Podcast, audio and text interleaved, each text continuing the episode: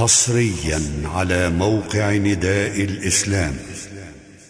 الحمد لله رب العالمين وصلى الله وسلم على نبينا محمد النبي الكريم وعلى آله وأصحابه الطيبين الطاهرين. ومن سار على نهجهم واقتفى أثرهم إلى يوم الدين وسلم تسليما كثيرا ابدا إلى يوم الدين. أما بعد أيها المسلمون والمسلمات يا من يبلغه صوتي في أرجاء هذه الدنيا أحييكم جميعا بتحية الإسلام المباركات الطيبات. فالسلام عليكم ورحمة الله وبركاته. وحياكم الله واهلا وسهلا بكم. إلى لقاء متجدد نتذاكر فيه شيئا من أخطائنا ومن تقصيرنا. لعلنا أن ننتبه من غفلاتنا وأن نصحو من شهواتنا وزلاتنا فنتقي ربنا جل وعلا ونعبده على بصيرة وعلى حق. إن من السنن المؤكدة في رمضان سنة الاعتكاف التي داوم عليها نبيكم عليه الصلاة والسلام خلوة برب العالمين ولزوم للمساجد بطاعته جل وعلا. ومع ذلك يقع في الاعتكاف أخطاء وأغلاط. لا بد أن نتواصى بالتحذير منها والتنبيه عليها لعلنا أن نتجنبها ولا نقع فيها. من ذلك يا أحبتي أن الاعتكاف معناه لزوم المسجد للطاعة ليس لزوم المسجد لأجل النوم أو لأجل الأكل والشرب أو لأجل السمر أو لأجل الأنس مع الناس. فإن الاعتكاف معناه أن يلزم العبد المسجد لطاعة الله. وهذا اللزوم يعني أنه يشتغل بالطاعة فإذا احتاج للنوم نام كما أنه إذا احتاج إلى الأكل أكل ولا يكن همه من اعتكافه أكله وشربه ونومه. من أخطائنا في الاعتكاف أنه لا يجوز للمعتكف أن يباشر أهله. إذ أن من مبطلات الاعتكاف مباشرة المعتكف أهله بالجماع والوطء.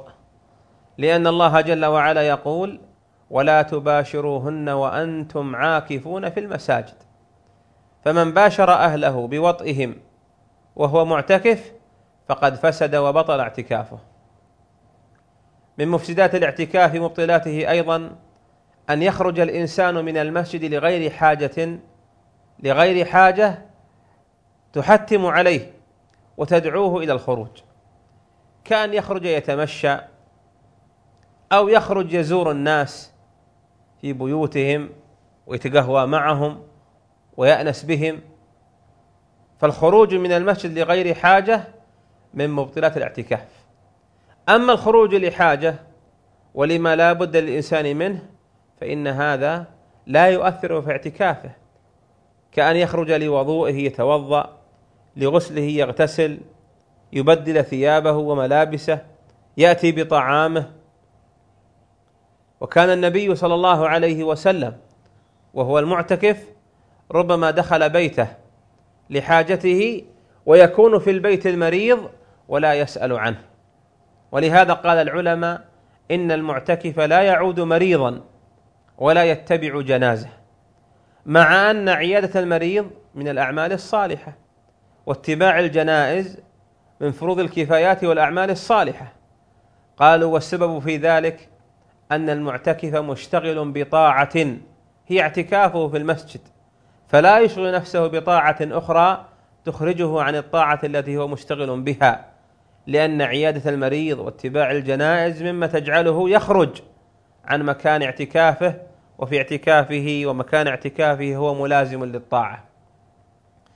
وإن من أخطائنا الشهيرة التي للأسف رأيناها وترونها في الاعتكاف أن من الناس من هو سيء التصرف لا يحسن التصرف في نفسه ولا في المكان الذي يبقى فيه. فنجد بعض المساجد ولا سيما كالحرمين الشريفين وغيرهما مما يعتكف فيها الناس يصيرونها بحال لا تليق ببيت الله الحرام. تصير المساجد كأنها مزابل. ثوب ها هنا وفراش مرمي ها هنا وأوساخ ها هنا في حالة مزرية لا تليق ببيوتهم. فكيف تليق بمساجد الله وبيوت الله عز وجل؟ ولولا أن هذا الأمر وقع لما نبهنا عليه. لقد رأينا هذا يا أيها الفضلاء. رأيناه في الحرمين. رأيناه في بعض المساجد الكبار التي يجتمع فيها المعتكفون. وعندئذ يكون حاله في اعتكافه أردأ من حاله في نظافته واستعداده وجماله في بيته. لا يبالي أن يرمي بثوبه ويعلق ثوبه وعمامته ويرمي بفراشه وفضلات أكله وشربه ونومه. والناس يصلون والناس يتعبدون. يجب يا معاشر المعتكفين ومن يقوم على خدمتهم وتهيئة الطعام والشراب لهم أن نعظم بيوت الله أشد من تعظيمنا وحرصنا على نظافة بيوتنا في دورنا ومساكننا. من الأخطاء التي يقع فيها بعض إخواننا المعتكفين تضييعهم صلوات الفرائض أو قيام الليل والتهجد. فتجدهم يشتغلون بالحديث وبشرب الشاي والقهوة والأكل والاستطعام والسمر والناس يصلون ويقرؤون القرآن. وما هي إلا ليالي معدودة وينقضي الشهر وتذهب بما أودعت فيها من عمل صالح أو غير صالح. إن كنت تريد أن تسمر وتتكلم وتشتغل بالأكل والشرب الزائد عن قدر حاجتك فلا تعتكف. ابقى في بيتك ابقى مع أهلك مع أصحابك أما الاعتكاف فله شأن آخر. شأن آخر ليس هذا هو شأنه. وهذا والله أعلم لأن من الناس من يعتكف لا لمعنى الاعتكاف والقربة وإنما مشاكلة ومتابعة لزملائه وجلسائه. اعتكفوا فاعتكف معهم ذهبوا فتابعهم وذهب معهم أتوا فتابعهم وأتى معهم. همه الاجتماع بهم والأنس بهم إن كان في مسجد أو في مجلس إن كان في استراحة أو في سفر. وهذا يدل على أن نية الاعتكاف عند هؤلاء نية مدخولة وقصد غير صحيح. واعلموا يا أيها الإخوة أنما الأعمال بالنيات وأنما لكل امرئ ما نوى. والشأن في العبادات كلها على الإرادة وعلى القصد. قال الله جل وعلا عائبا على الكفار ذاما لهم في سوء مقاصدهم ونياتهم ومردأ إراداتهم. من كان يريد الحياة الدنيا وزينتها نوفي إليهم أعمالهم فيها وهم فيها لا يبخسون.